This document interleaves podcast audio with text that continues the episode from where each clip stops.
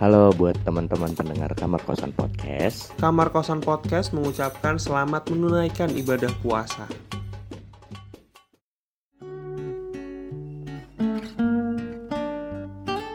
Selamat datang kembali di Kamar Kosan Podcast. What up guys? seru sekali. Hari ini semakin panas, semakin episode semakin panas. Semakin banyak yang berantem, gue suka nih. Apa ya kalian mah nontonnya Avengers doang. Aja. Dunia ini. Iya kan, kan gitu ya. Gara-gara corona, jadi banyak film Marvel yang mundur. Ya justru Gua- waktu di zaman di zaman krisis kemanusiaan kayak sekarang kita butuhnya film-film yang mencerahkan gitu. Bukan ya Lihat Ian lihat film rekreasi. Kita sama aja. Ya Bang Bismo ya. Iyalah, menurut gua Nah, iya Apa sih, ya? tapi kan kata Martin Scorsese kan emang gua nonton Marvel kayak berada di taman bermain gitu. ya emang kan superhero tonton anak kecil. Iya.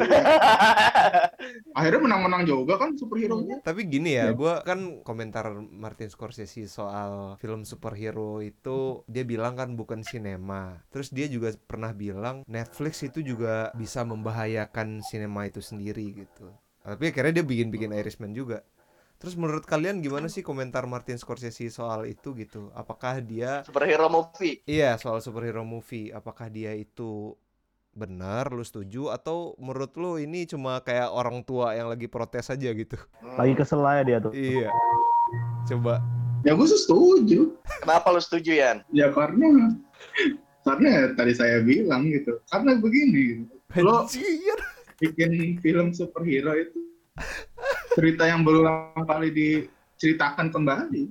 Ah, Jadi tidak sebenarnya tidak ada sesuatu yang baru gitu. Walaupun bungkusannya ya katakanlah gitu. Kalau di DC musuhnya siapa? Siapa? Doomsday. ya, Di Marvel musuhnya Thanos gitu. ya. Itu hanya bungkusan. Isinya ya sama saja gitu. Ada superhero, eh ada orang tiba-tiba mendapatkan kekuatan, Heeh. terus ada kejahatan dilawan lagi. Eh dilawan terus menang. Oh tapi yang itu beda Yan. Yang Avenger yang protagonisnya Thanos itu. Yang Endgame. Eh sebelum itu ya. Sebelum itu kan beda itu secara formula. Infinity War. Emang gimana tuh Infinity formulanya War. gimana Gus? Ya kalau biasanya kan protagonisnya kan kita ngelihatnya protagonisnya yang tokoh baik lah ya. Hmm. Tapi di apa Infinity War tuh protagonisnya tuh bukan tokoh yang baik. Tapi dia protagonisnya tuh si Thanos itu. Hmm. Jadinya kita kan ngikutin backstory-nya Thanos, tujuannya Thanos apa, kayak gitu-gitu kan. hmm. Kita ngiranya bahwa formula di film itu protagonisnya bukan jadi yang ini, yang yang baik gitu, jadi yang jahat protagonisnya tuh. Iya, iya, iya. Hmm. Tapi sebenarnya secara formula sama aja. Iya beda. Eh, Gini gimana? Ya enggak.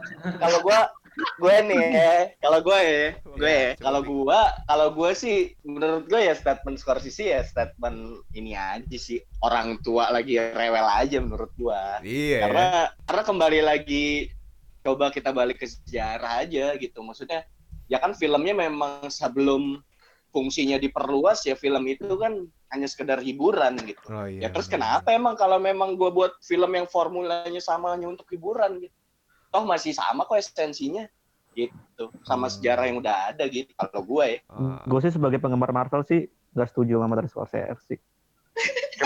Marvel tuh mengaduk-ngaduk loh secara emosional. Iya soalnya soalnya Martin Scorsese kan nyinggung-nyinggung soal emosi kan. Avengers tuh ngaduk-ngaduk boy. Eh, Beliau- tuh ngaduk-ngaduk yang nggak ngaduk-ngaduk tuh bisa dihitung tuh Ant-Man gitu-gitu nggak ngaduk-ngaduk itu emang nggak jelas itu. Emang menurut lu yang ngaduk-ngaduk? Spider-Man tuh ngaduk-ngaduk loh. Spider-Man berapa? Satu dua itu ngaduk-ngaduk loh. Diaduk-aduk itu. satu bagus loh itu satu bagus loh Itu Black Panther tuh juga ngaduk-ngaduk emosi itu. Cuman emang ada beberapa acting yang kayak sinetron gitu. Tadi kan kata Bang Ian, kesannya kayak cuma bungkusan-bungkusan doang ya Bang. Nah, kalau menurut gue ya, apa bedanya gitu sama karya-karya Shakespeare yang difilmkan beberapa kali sama sutradara yang beda-beda gitu. Nah, kalau ngomongin film superhero, ya memang memang problematikanya adalah Hilang. Halo. ya Han- Hans. Problem problematikanya hilang.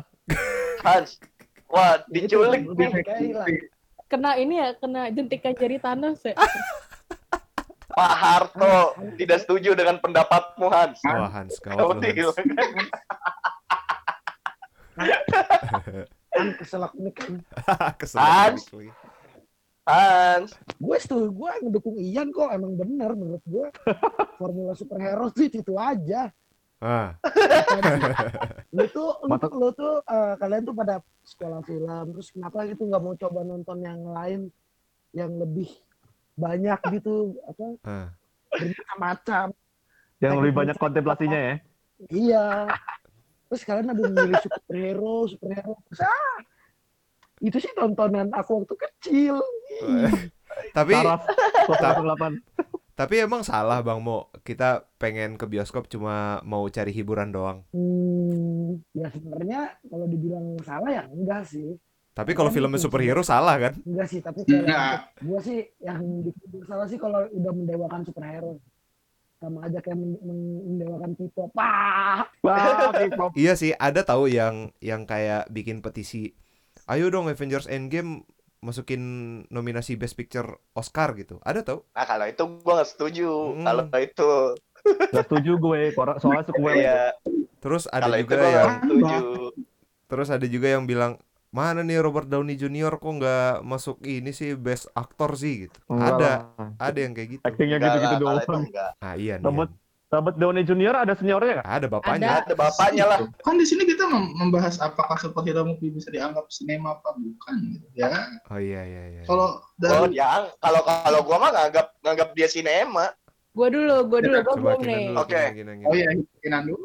Kinan, Nah, Kinan. kalau kalau menurut gue, eh, kalau misalkan scope-nya dibilang superhero movie sinema apa bukan, menurut gue sinema. Nah, ini nih, eh, tadi kan dibilang katanya formulatif kan. Cerita pada dasarnya emang formulatif, semua cerita tuh punya tiga babak. Hmm. Heeh. Jadi kalau gitu semua cerita yang ada di film gue sinema dong. Kalau alasannya cerita Formulatif. superhero itu formulatif. Hmm. Hmm. Iya iya iya. Nah, gua gua pun sebenarnya bukan orang yang suka nonton film hero gitu. Karena sama alasannya formulatif, gue bisa nebak dia pasti menang, eh, pasti dia orang yang dari bukan siapa-siapa jadi apa-apa, mencoba melawan, gagal dulu, bangkit lagi terus menang. Biasanya kan kayak gitu. Iya. Hmm. Cuman semenjak gue nonton Ant-Man dan apa waktu itu ya Guardians of Galaxy, Hmm. akhirnya perspektif gue soal film hero be- berubah. Yang lu dapat dari Ant-Man apa? Ant-Man 1 apa? Ant-Man 2 apa 1 ya lupa gue. Satu bagus Ant-Man kok. 2 deh kayaknya. Satu bagus kok. Ant-Man yang 2 berarti yang sampah. Hmm. Kalau gue melihatnya semenjak kemunculan Iron Man ya, Iya. itu tuh secara figur tuh dia udah berubah. Kayak Iron Man kan emang orang kaya, terus Iya. apa namanya eh, ada ada formula yang berubah dan menurut gue ke belakang pun berkembangnya pun cukup ekstrim. Contohnya kalian harus nonton Thor Ragnarok. Iya. Wow, Itu Thor Ragnarok tuh. Film Marvel Iya. favorit sih. Taika Waititi. Iya, menurut gue itu sih yang apa namanya sangat berubah dan semakin sekarang tuh villainnya mulai dika- disa- dikasih sisi kemanusiaan yang biasanya porsi kemanusiaannya tuh nggak sebanyak kalau dulu. Oh iya iya iya. iya. Ah. Ininya sih goal goal ininya jadi berubah sih goal villainnya tuh. Biasanya kalau di komiknya atau versi yang lama tuh goal villain tuh misalkan kayak membumi kayak Thanos nih membumi membumi, membumi me- me- apa Membumi hanguskan. melenyapkan seluruh umat manusia gitu lah mama. Ya udah goalnya itu doang gitu. Cuman ketika dijadiin film yang kayak Infinity War apa Endgame gitu ada alasannya yang yang kenapa harus kayak gitu dan itu masuk akal di kita gitu bahwa populasi manusia udah penuh nih gitu. Iya. Jadinya wah ini orang bener juga ya gitu. Iya. Jadi kayak formula villain yang ada di film-film art cinema gitu loh. Iya iya iya. Terus kalau lu ngomongin Iron Man pertama itu secara formula tuh opening tuh udah berubah dari film-film superhero yang dulu gitu. Ketika film superhero yang dulu tuh ngomongin opening tuh selalu kayak introduction of karakter. Mm-mm. Iron Man pertama tuh pembukaannya tuh langsung konflik, langsung si Iya, iya. apa nembak nembak rudal langsung si Iron Man-nya disekap gitu. Iya. Udah nggak Iya, bertele iya, iya, udah nggak bertele kayak wah gue Iron Man nih, eh gue punya duit nih, bikin baju kali ya. Eh, Iya, iya iya, iya iya iya. Bagus baju gue baju gue nih. Nggak Memang gitu. itu baru. Memangnya itu baru. Ah, tidak juga. Wah ini. Tidak baru, cuman mendobrak kasana film superhero. Ya tapi tapi gue lihat-lihat sih emang Marvel lagi ini sih lagi coba ngaduk-ngaduk sih kayak Ngaduk-ngaduk ya. kan kalau zaman-zaman dulu kan superhero selalu merahasiakan identitas ya. Sekarang Marvel semua superhero-nya nggak ada yang merahasiakan identitasnya gitu. Dia kayak udah ngelawan aturan-aturan film superhero yang sudah ada gitu. Ya itu ya kalau itu itu itu ya kayak yang cerita di komik gitu, Mas. Internet gue dimatiin siapa nih? Jadi Komen. apa Hans? Problemnya apa tadi? Problemnya? Ya coba ulang Atau tiba-tiba mau berargumentasi kok ada yang pakai kekuatan super kayaknya dari jauh. Oh. Ah, nggak bisa. Nggak bisa, sekarang gue cut itu. FJI guys, for your information, ini tweet Twitter ngerasa lemot nggak nonton video? Apa? Kalian nonton video di Twitter gitu ngerasa, ngerasa kayak putus-putus nggak videonya? Kayak nggak bi- kayak, Enggak. kayak biasanya gitu? Enggak ya? Enggak sih. Ah, skip. Enggak. Hans dulu. Hans dulu. Ah, baik lagi ya tadi tadi kan kata Bang Ian ngomongin materi aja nih. Seperti itu tuh kesannya cuman ya materi ya digunain aja buat profit. Ya nggak Bang Ian? Iya, Ya, iya. itu cuma materi untuk Iya. profit aja akhirnya Iya. buat penonton. Nah, kalau menurut gua ya apa bedanya gitu sama karya-karya Shakespeare yang difilmkan gitu. Dia itu Hmm. juga sebuah bentuk materi gitu. Dan setiap disentuh sama filmmaker lain ya punya karyanya yang beda-beda sendiri gitu. Nah, kalau kita lihat gitu perkembangan superhero tuh nggak cuma tiba-tiba jadi fenomena yang tiba-tiba meledak aja gitu. Yang tiba-tiba, oh, kok tiba-tiba orang banyak nonton film superhero. Lah tiba-tiba kok film superhero film yang paling laku saat ini gitu. Hmm. Kalau kita lihat awal-awalnya gitu misalnya kayak Batman. Batman tuh justru lahir di TV series. Dia itu bukan jadi sebuah TV series yang serius gitu, yang mengagumi Batman, tapi Series yang jadi leluconan gitu, komedi banget. Sampai akhirnya Batman tuh dipegang sama Nolan. Jadi sesuatu yang serius dan bahkan dikagumi sama kritikus. Ya itu sebagai contoh juga kalau ya superhero ya bahan, tapi kalau kita ngomongin apakah bisa jadi sebuah film yang serius atau sangat sinema ya bisa aja tergantung siapa orang yang Benar. mengontrol materi itu sih kalau menurut gue. Iya. Man behind the gun. Hmm benar. Apa pun itu Makanya ya. bang, eh makanya Ian sama Bang Bismo coba tonton yang gitu-gitu, yang Nolan, Taika Waititi buat. Lo terakhir 10008 kan lo? Gue eh, lo asal, asal lo tahu gue nontonnya yang panjang-panjang kayak Siming Liang 4 jam. Hmm. Kan begitu, friend. Eh, Ah, poetic iya. cinema, poetic cinema. Iya. Sinema sesungguhnya ya. Iya dong. friend yang ya du- dua jam mah pendek anjir. Iya gitu. Gak bias. Nggak bias tuh. Iya, lah Ini kalian kalian kalian yang nonton superhero tahu Tarkovsky nggak? Kasih. Sikat Tahu lah. Sikat, sikat Bang Mo. Nah, Siapa pengen- ya itu ya? Pengen coba membalas Hans nih. Oke, coba ya. Tadi justru argumen lo tentang film-film Shakespeare yang dibuat kembali itu membuk apa ya malah me- mendorong mendorong argumen gue tentang superhero movies itu bukan sinema. Superhero movies menjadi komoditi. Sama seperti Hamlet Shakespeare apa Macbeth itu kan ada remake-nya itu Hmm. yaitu mereka me- mereka meremake itu ya karena it's a defined apa ya udah udah udah sesuatu yang pasti kemungkinan besar bakal menjual gitu. Ah. jadi mereka melihatnya dari sisi profit. Terus dulu, dan terus masalah kalau kalau gitu George Eh. Méliès dulu pakai rekaman buat dia sulap buat penontonnya bukan bagian dari sinema. Méliès itu pada George Méliès itu pada zaman itu menjadi uh, sesuatu yang sangat fenomenal karena dia melakukan eksperimen. Pada saat itu editing jump cut seperti itu tuh sangat wow gitu. Mungkin kita sekarang lihatnya kayak ah ini mah anak-anak pakai Windows Movie Maker juga bisa gitu kan. Kalau sekarang. Kalau dulu apa si Melie jam 4 tiba-tiba ngilang itu membuat kayak ilusi sulap ya itu sesuatu yang wow gitu. Iya. Tapi gini, kalau misalkan sekarang kan gini ya, berarti kan kayak seolah-olah ada kesalahan ketika menganggap eh, sinema itu dimanfaatkan sebagai produk sinema diman- dimanfaatkan sebagai komoditas. Ya tapi tanpa perputaran uang, apakah sinema masih bisa hidup? Eh, Iya. Untuk me- me- apa ya? Oh gue tadinya nggak mendukung, gue jadi mendukung. Nah, jadi ada satu sebuah kalimat yang sangat gue pegang sampai sekarang Hmm. oleh sebuah sutradara namanya Mark Cousins. Dia, dia yang bikin Nah, itu dokumenter The Story of Film. Nah, dia ada satu kalimat yang gue pegang dengan erat gitu. Iya. Dia bilang yang mendorong sinema itu bukan bisnis, bukan show bisnis, bukan profit, bukan industri. Hmm. Dia memberi buk, memberi bukti dari kemunculan apa ya? Kemunculan eksperimen eksperimen eksperimen sinema pada, pada zaman dulu gitu kayak kemunculan pertama masalah cutting gitu, masalah classical cutting. Iya. Itu yang yang munculin classical cutting mungkin yang terkenal tuh kayak si siapa sih yang bikin gua nggak tahu nama filmnya ya. Pokoknya film itulah, film Hmm. kucing itu.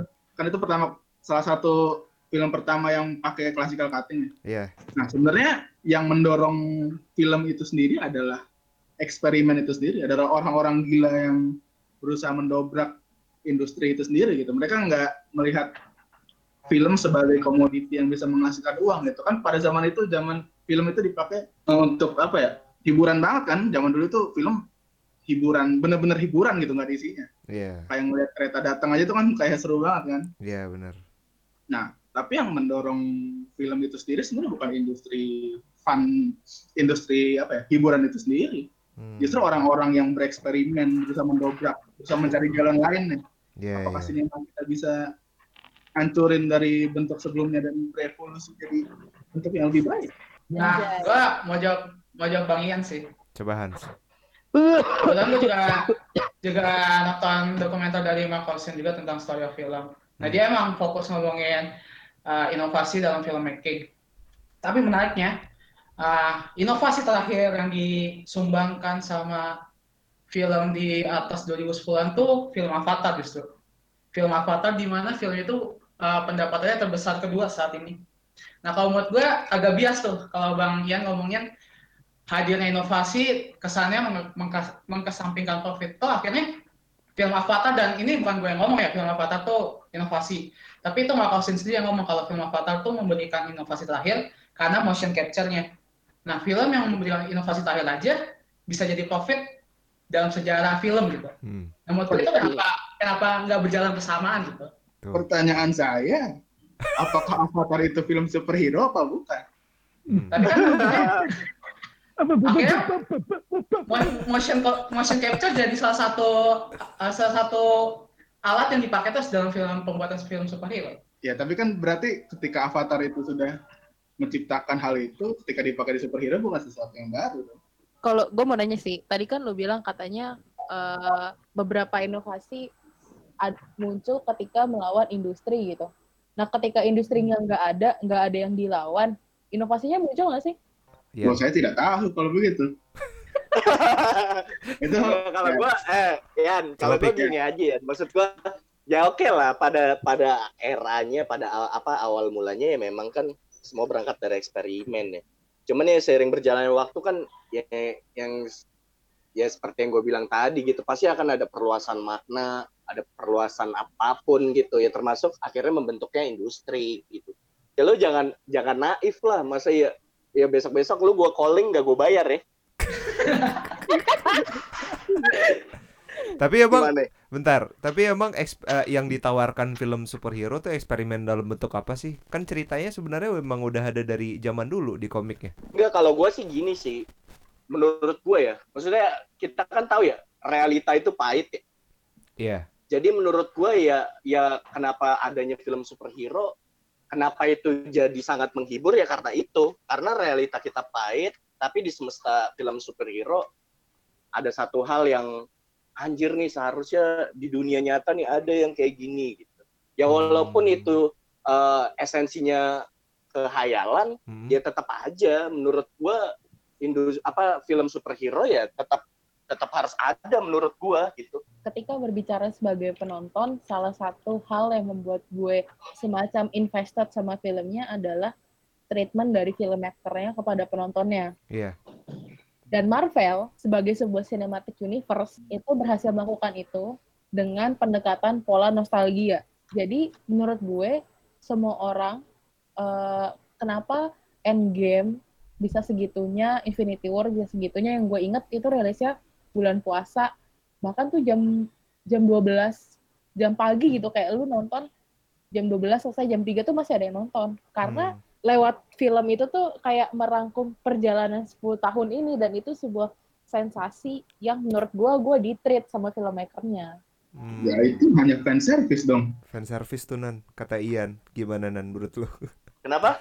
Fan service menurut Ian ya itu berarti cuma ini dong, fan service dong gitu. lo menurut ya emang gitu gak sih karena kayak gue nih kenapa gue seneng secara personal seneng nonton filmnya Taika Waititi karena gue di, selalu di treat dengan cara yang sama lewat pola filmmakingnya dia gitu. bukankah kalian juga gitu ketika lu nonton nih lu dipikirin gitu kayak penontonnya dipikirin bukan nggak dibodoh-bodohin gitu kan lu juga seneng nontonnya Yan, tapi Mhm. emang yang dikategorikan sebagai sinema itu emang nggak selalu fan service. Ya enggak, maksud gue, eh Bang Wisma mau itu nggak komentar? Gua simpel aja, gua mulai berubah pikiran. Oh, lu main gampang aja lu Bang Bismo. Ya gini sih maksud gue, kenapa fan, fan service sebenarnya ya bisa jadi sebuah sinema, tapi pada intinya kan kalau fan service itu tujuannya juga mem- membahagiakan itu kan, membahagiakan penonton, namanya juga fan service kan, Iya. service para fans gitu. Jadi tujuannya bukan murni membuat sesuatu pengalaman, pengen menyenangkan, lebih me- menyenangkan penonton. Nah, bagaimana kita membedakan yang memberikan pengalaman sama menyenangkan penonton? Coba, menurut gua tipis banget cuy batasannya kalau lo ngomongnya gitu. nggak bisa boy semua film itu ngasih pengalaman ngasih kesenangan masing-masing kesenangan bentuknya kan subjektif Hmm. Nah, Betul. pengalaman objektif apa lagi? Ya, itu dia maksud gua itu dia yang menurut gua indah dari sebuah sinema gitu. harusnya pengalaman itu adalah sesuatu yang subjektif mungkin ada orang yang tidak suka nih sama film uh, Siming Liang gitu ah lambat nih gitu. Iya. Lah ya udah, lah ya udah. Kan saya Minggu yang menghibur buat lo belum tentu menghibur buat orang lain. nah itu dia tapi kan ketika film-film Seneng liam apa seneng liam setelah film itu kan emang dikonstruk untuk Lah, buktinya lu nggak suka film hero. nah kan saya sini bukan tidak suka saya hanya mengkritis saja Bangsat iya. Akhirnya gue ketemu sih Bang Ian apa akhirnya inovasi film superhero kan. Mm-mm. Ya, film superhero ya ngomongin universe yang dibangun gitu. Iya. Gimana menggerakin 20 film dalam satu dunia yang sama atau satu plot besar yang sama. Itu menurut gue belum ada yang ngelakuin di sejarah film sih, setahu gue. Heeh. Ya. Mungkin Harry Potter di 9 filmnya kalau nggak salah ya sebatas sebanyak itu. Tapi gimana caranya sebuah uh, Marvel bisa bikin 20 20 film tapi menggerakkannya di satu kesatuan cerita yang sama gitu. Mm. Tapi inovasinya nggak sampai situ bahkan. Misalnya kita lihat di DC gitu. Hmm. DC udah bikin istilahnya alternatif universe kayak misalnya Joker yang menang Iya. di Venice kemarin. Heeh. Ya, benar. Ya kayak itu aja uh, gimana bikin satu satu spin off yang nggak nggak harus berurusan dengan film-film sebelumnya juga bisa gitu. Tapi membawa materi yang sama gitu. Tetap jujur sama materi yang ada. Hmm. Nah itu sih menurut gue inovasi dari film-film superhero sih. Dan menurut gua eh, ketika ngomong hero itu cuman apa namanya ya kita nggak bisa mungkirin bahwa dia memasukkan uang gitu cuman Marvel gue sih melihat ini dengan direkrutnya Taika Waititi ke Marvel ya Mm-mm. Hmm. Taika Waititi itu director New Zealand yang filmnya jarang banget gue juga gue nggak tahu film film sebelum Thor yang benar-benar semua orang hampir semua orang tahu gitu Iya. dan menurut gue Marvel ini ya mulai ekspansi Eh, tahu nih main behind the gun-nya tuh bukan cuman yang tahu industri doang gitu bukan yang emang formulatif pasti menghasilkan penonton yang banyak Iya. mereka juga menghargai penonton menurut gue oke Iyalah. Gue mau tetap percaya main behind the gun sih. Maksud Nah. gue kan sering sering berjalan waktu juga banyak kok inovasi-inovasi gitu. Maksud gue mungkin ya, mungkin mungkin kalimatnya juga mendewasakan diri mungkin filmmaker filmmakernya mungkin. Hah. Maksudnya melihat melihat ya formula superhero yang itu itu aja gitu sampai akhirnya banyak kok bermunculan yang kayak ya Nolan buat Batman seperti itu, Taika Waititi buat Thor Ragnarok, terus Todd Phillips bikin Joker, Iya. Terus eh, Deadpool juga cukup beda kok film superhero yang cukup beda buat gua Iya, iya, Deadpool. Deadpool ya. gitu. Jadi kalau misalkan dibilang tidak inovatif, ya nggak juga gitu loh maksud gua. Lagian kalau lu lu mau nyari, kalau misalkan kita apa namanya, gua ngebaca kalimat lo ya kan, maksudnya eksperimen gitu. berarti kan sangat dekat dengan hal yang orisinil gitu. Lu nyari apa namanya hal yang orisinil, apa yang orisinil di dunia ini, Ian? Eh, eh, jangan musuhin gue dong, gue cuma stand in aja. Ada. Episode ini lu lu harus habis Yan. Oh iya, iya. Ya, Yan. Yan, sorry banget Yan. Gue gak bisa bantu banyak. Kan gue bantuin lo kan. lo Tapi Gue. Tapi gue mau nanya, gue mau nanya, gue mau nanya ke Bang Bismo. Apa sih yang membuat lu tidak ada ketertarikan buat nonton hero gitu? Gue nonton sih.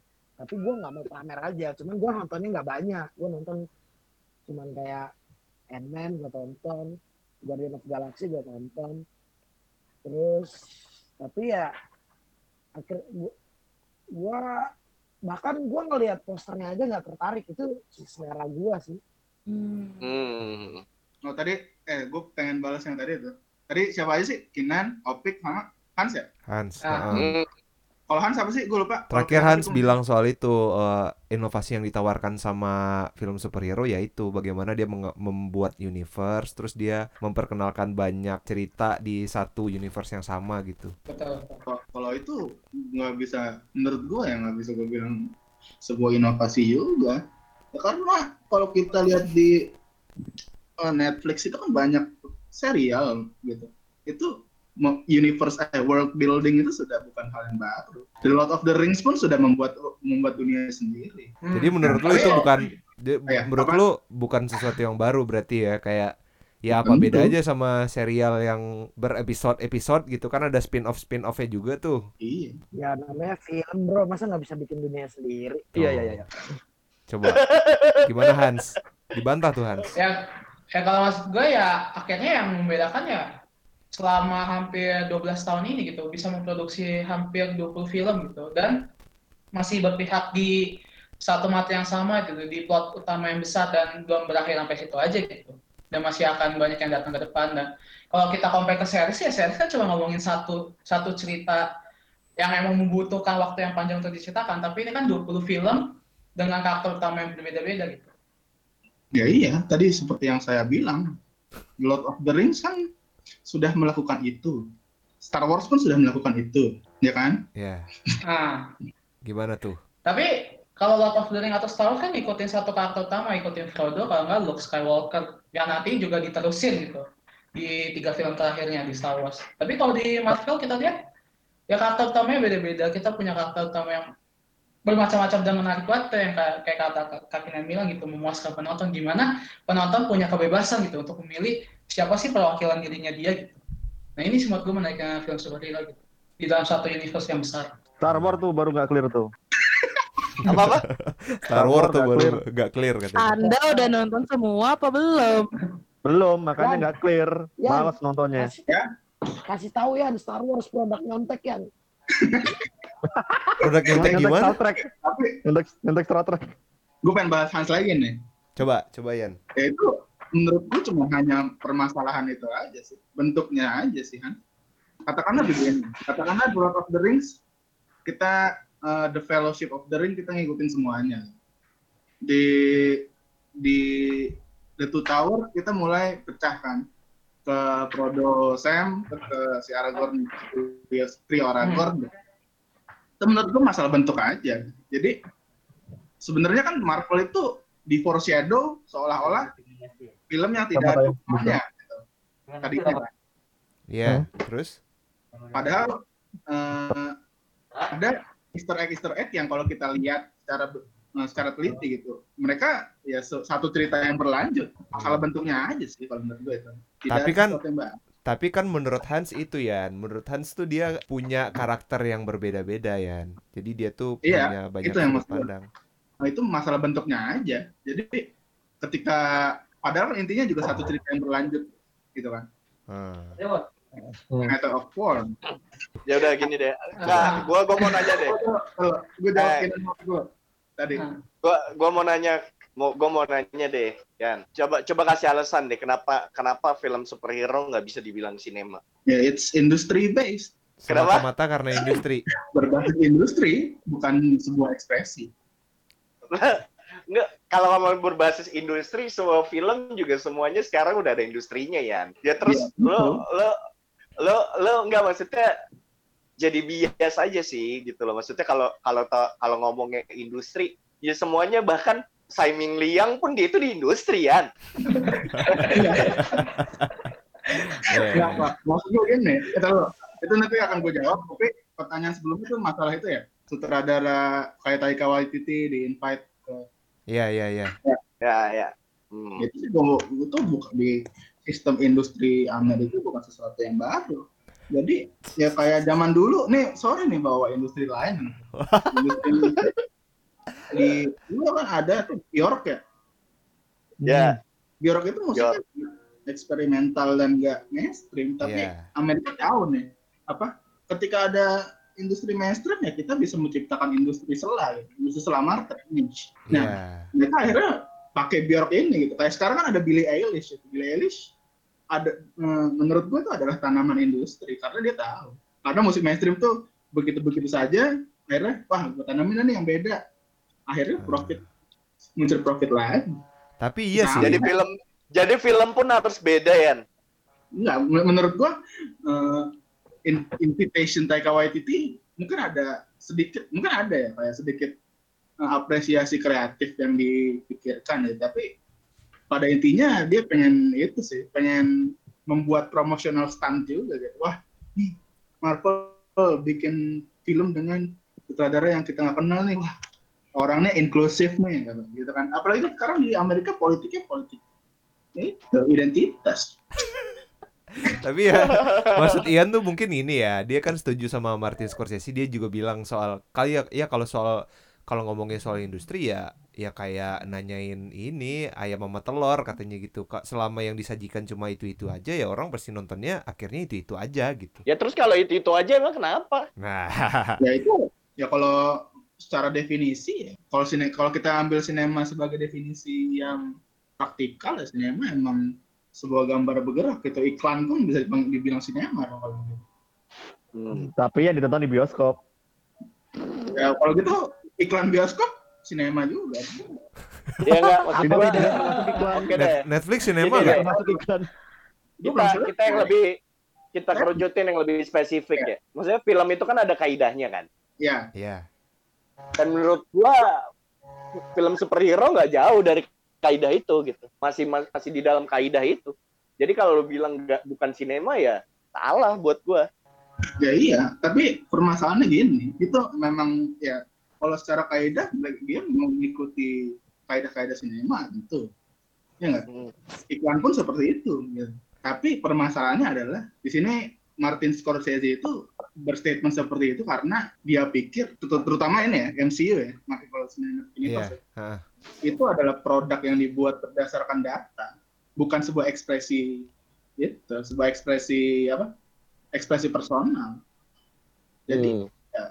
pada akhirnya walau kayak iklan gitu iklan pun kan adalah sebuah produk yang muncul karena ada demand tapi Hmm.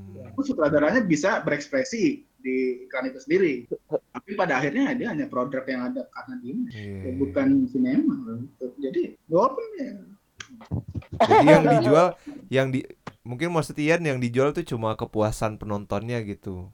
Berdasarkan data yang udah mereka dapatkan iya gitu. jadi itu kayak menurut Ian tuh film film superhero dibuat ya karena emang banyak yang nonton bukan Hmm. berangkat dari kegelisahan yang kayak gitu loh bukan bukan memang sutradaranya tuh punya kegelisahan dan mau menceritakan sesuatu Ya, duit tapi duit duit juga lah. sih menurut gua maksud gua mungkin ya mungkin resiko dari terbentuknya industri film ya salah satunya mungkin itu gitu banyak juga kok kayaknya film film bukan superhero doang kan yang kayak gitu menurut gua Iya, pada dasarnya semua yang yang bentuknya franchise sih kayak gitu. oh Harry Harry Potter juga tang parah nan bintang nan Apa sih?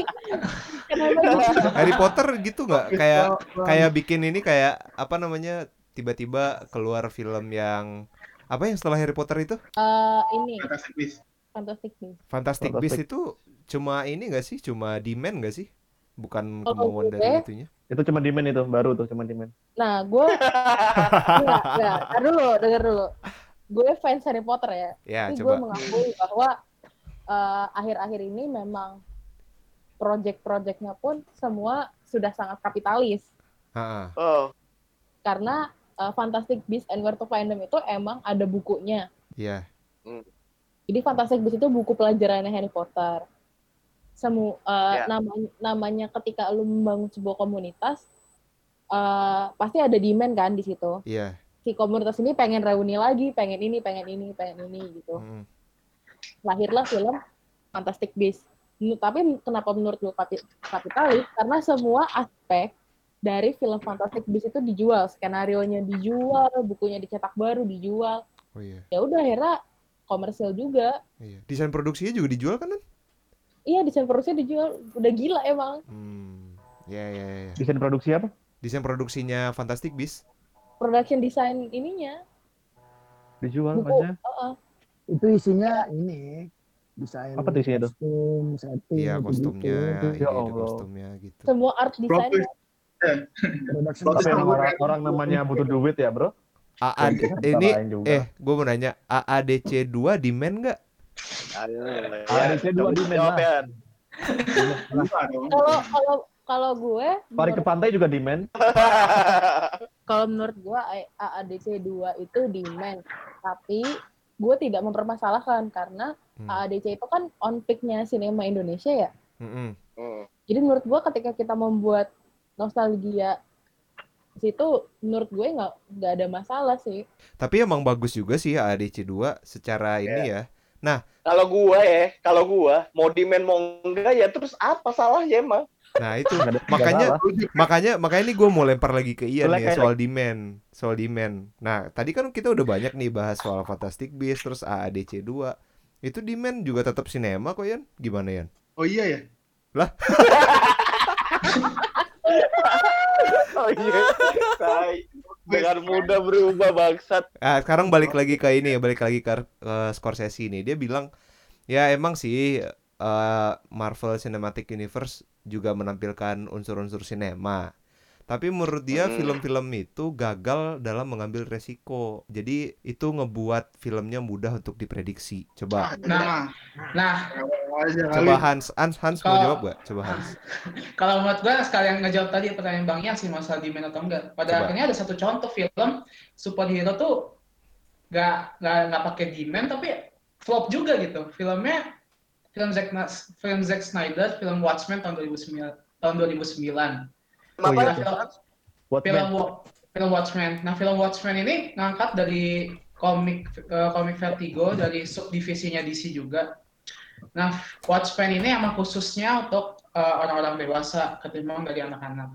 Nah, film Hmm. Watchmen ini durasinya tuh hampir tiga jam kalau misalnya Bang Ian mau nonton kan tadi butuh film yang lama tuh. Mampus. Nah, nah akhirnya tapi film ini flop juga gitu bang. Eh, fans Watchmen tuh belum nggak banyak.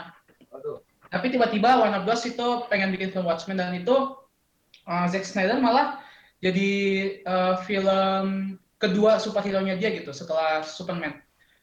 Nah itu menarik banget tuh buat dibahas karena pas tahun 2009 filmnya belum film superhero belum ngebum terus dia ngangkat satu materi yang menurut gue cukup menarik sih. Kan? film-film dewasa film superhero dewasa kayak gini nih yang menurut gue yang Yang- bisa jadi salah satu inovasi gitu ke film-film superhero yang ke Oh. depan.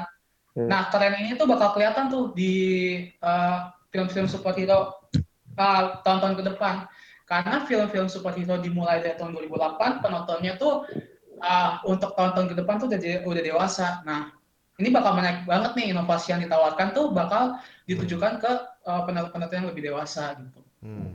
Nah, jadi ada film superhero yang gak butuh demand, keluar, flop lagi gitu. Nah, itu juga bukan sesuatu yang apa ya. Jadi film superhero itu nggak nggak nunggu demand dulu tuh yang banyak keluar, untung nggak nggak nggak semua kayak gitu sih kalau menurut gue. Akhirnya idealis sutradara pun juga ada ada ada lahir di filmnya gitu. Ya kayak Christopher Nolan aja, Christopher- Nolan bikin film lagi dong, emangnya bukan demand? Hmm. Wah, Rahmat. Iya. Ya gue Siapa Xiaoming Liang bikin film lagi dong, emangnya bukan demand? Iya, iya sih. Enggak, tapi ya iya sih, tapi bener sih. Akhirnya ya oke lah. Gua gua itulah tadi sebenarnya dari Hans pun sudah mulai kepikiran sih gue Heeh. yang masalah Watchmen 3 jam itu dekat-dekat Simon Liang jadi bisa dianggap sinema mungkin. Tapi ya, iya sih. Mungkin gue juga ini gue itu ya, ini plot twist ya. Ternyata gue sebenarnya gue mendukung superhero ya. Woi. Yeay, kita menang guys, guys, kita menang guys. Gini aja Wah. sih. Gue nggak mau ditinggal sendirian yang. Oh ya sorry, Bang Bismo masih belum nih gimana? Bang Bisma gue hianati. Jadi gini ya, Ah, setelah gue mikir eh, kalian-kalian, jadi superhero tuh sebenarnya masih ada unsur-unsur sinemanya. Jadi gue akhirnya kayak negatif thinking sama Scorsese. Hmm. Apa karena Scorsese nggak dapat callingan superhero makanya dia buat statement kayak gitu? Iya sama kayak dia dulu nyala-nyala Netflix, dapat tawaran Netflix Iya. diambil juga sama dia. Iya. Oke, oke, gua udah dapat. Oke, gua udah dapat judul ya. Kita judul Scorsese. podcast hari ini gibahin gibahin Scorsese gitu ya. Iya iya iya iya. Gue juga mikirnya ya itu nggak sih? Skor pernyataan Scorsese juga nggak valid menurut gue. Dia baru nonton beberapa dan gue Iya, kan iya. film-film Ah. Marvel awal tuh nggak nggak gimana-gimana. Tapi di kayak Black Panther gitu, kayak Hmm, Infinity War, Iya sih. Endgame. Mampus gue ternyata mendukung superhero, mampus gue. Itu Tapi jadi emang subjektif nggak sih sebenarnya? Iya subjektif banget sih sebenarnya. Dia juga bilang sinema, ya itu tadi kan kalau pengertian sinema itu Mengambil resiko. Yang yang mengambil resiko lah terus yang memberikan enlightenment Iya. enlightenment itu sendiri yang tadi lo bilang pada kan di Hmm. subjektif ada orang yang bisa menerima mendapatkan sesuatu dari sebuah film ada yang enggak gitu. Iya iya. Dan- ada yang ya apa Iya. Dan menurut gue kalau ngomongin enlightenment akan bermasalah akan bertemu sama permasalahan generasi sih. Hmm. iya Karena kan eh, yang yang kayak kita tahu ya, gue ngajar, terus gue ngasdos segala macam tuh, gue melihat bahwa semakin ke sini tuh tahanan fokus eh, anak-anak buat tahan menonton sesuatu itu makin pendek karena mereka terpapar sama YouTube yang durasinya biasanya pendek, Instagram story yang 15 detik, Iya. Instagram cuma semenit gitu. Dan akhirnya secara konten kita harus membuat sesuatu yang ada ledakan di setiap beatnya. Dan menurut gue itu berhasil dilakukan sama film superhero. Hmm, iya iya. iya Mempertahankan itu juga masalah audiensnya. demand ya tadi lo bilang juga ya sekarang mah semua film ada demandnya kali film Iya. biopik kan biopik Eh. udah berdasarkan franchise nama orang Ular emang Ian ini ular. gue sebenarnya gak suka snob sama snob kan jadi gue play Ian clickbait aja. Tapi emang kayak gitu nggak sih? Iya. Ini Martin Scorsese ini kayak ya sutradara tua yang nggak ini aja, yang nggak nggak diajak main gitu. tapi sensitif aja dia, bocat mau nakal. Tolikan. tapi ini gue mendukung Scorsese tapi bukan dalam arti itu ya Hmm, coba coba. menurut Ian. gue ini ada permasalahan media juga. Dia bilangnya Yes. sebenarnya bukan sesuatu yang kontroversial. Dia bilang cuma, ah gue kayaknya ini bukan bukan untuk gue ada filmnya deh. Ini gue nontonnya kayak Theme Park, udah gitu doang sebenarnya. Oh iya mungkin Iya konteksnya jadi beda ya setelah masuk media. Mungkin itu Ya, ngerasa kayak Iya, anjing gua gua udah tua ngapain ditanyain soal film superhero sih bukan buat gua lah ya kayak iya. Iya. soalnya adalah sesuatu yang apa ya kontroversial, padahal mah kagak. Dia cuma Iya, iya, iya, tau iya, bener ya. kan. bener ya. Iya iya iya. Iya. Media emang anjing emang bukan Ian dia yang anjing nih. Media. Iya, media emang. Sama film snob anjing. Gitu aja sama optik. Iya. Iya iya. Dan ini argumen terakhir gue nih tang. Ah coba Ian sebagai closing statement movie ya. Ian. Ya menurut gue inova yang tadi lo bilang Hmm. kan superhero itu sudah superhero movie udah jadi genre kali sekarang harusnya. Iya, benar. Mm. Nah tadi ya di film-film Marvel eh, MCU sendiri udah menciptakan film-film kayak Thor Ragnarok itu walaupun apa ya kalau kita lihat tuh di end pahlawannya menang tapi kan kalau lo teliti secara apa ya elemen-elemen dalamnya itu sebenarnya Thor kalah. Ya. Iya sih. Ah iya bener. Di Kalah Thor dia. ah. Ragnarok Thor kalah tapi dibuat sebe, apa ya sedemikian mungkin terlihat bahwa Thor menang dengan Iya, kabur. Iya iya Dan sih. itu Bener. inovasi di dalam sub- genre superhero itu sendiri gitu dan Benar. pada akhirnya inovasi di sinema. bener. Jadi loser story dalam bentuk yang lain ya. Iya. Iya, Endgame eh tadi apa Infinity War juga bagus. Infinity War juga itu kan pertama kalinya superhero nya kalah gitu. Sejak kapan coba film superhero superhero nya kalah? Cuma Infinity War kan? Walaupun itu sebenarnya franchise. Iya Iya. sih. Plot Itu lagi. dibuat kalah biar lo pada Nonton lagi. film. Iya. Itu Iya. lebih keren, friend. Tapi Iya, franchise bener, bener, bener. kalau menurut gue yang keren sih ini sih apa namanya eh, Marvel mampu menghidupkan budaya fear of missing out yang takut ketinggalan yang sangat besar di kalangan Iya bener. Oh, lagi. iya. audiens lah. utamanya. Iya. Ya lu lu gila dah.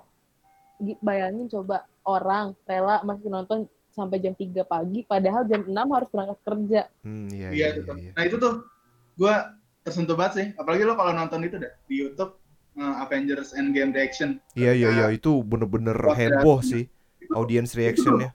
Sebenarnya argumen terkuat gue tuh itu iro- ironisnya walaupun si Scorsese bilang sinema, tapi itu adegan itu sendiri menimbulkan kecintaan pada sinema kembali. Hmm. Pada Apa tuh adegan apa dong? adegan nih spoiler ya. Hmm. adegan ketika si eh, anggota Marvel yang lain itu lagi hidup lagi dan membantu si Captain America itu. Itu di sinema itu pada teriak-teriak, pada ngetuk. Sangat nostal nostalgic sekali gitu sama Iya, sinema zaman dulu. Benar-benar. Yang orang-orang nonton tuh seru banget gitu kan. Jadi apa ya? Kemurnian penonton sinema balik lagi. Hmm. Menghidupkan kembali kemurnian hati penonton sinema menurut gue. benar benar banget. Sangat indah sih. Gue bener-bener yang adegan Avenger assemble itu begitu terbuka datang merinding gue asli nonton bener dah. Iya iya benar. Ya, iya, itu sendiri sebuah pengalaman sinema yang sangat menarik. Iya, gua rasa gua rasa Iya. cukup ya. Cukup ya karena Adit udah masuk jadi kita- sudahi saja podcast ini. Ya Allah, Adit. Lu telat, Dit. Ya, sampai jumpa di episode selanjutnya Kamar Kosan Podcast. Bye. Bye bye.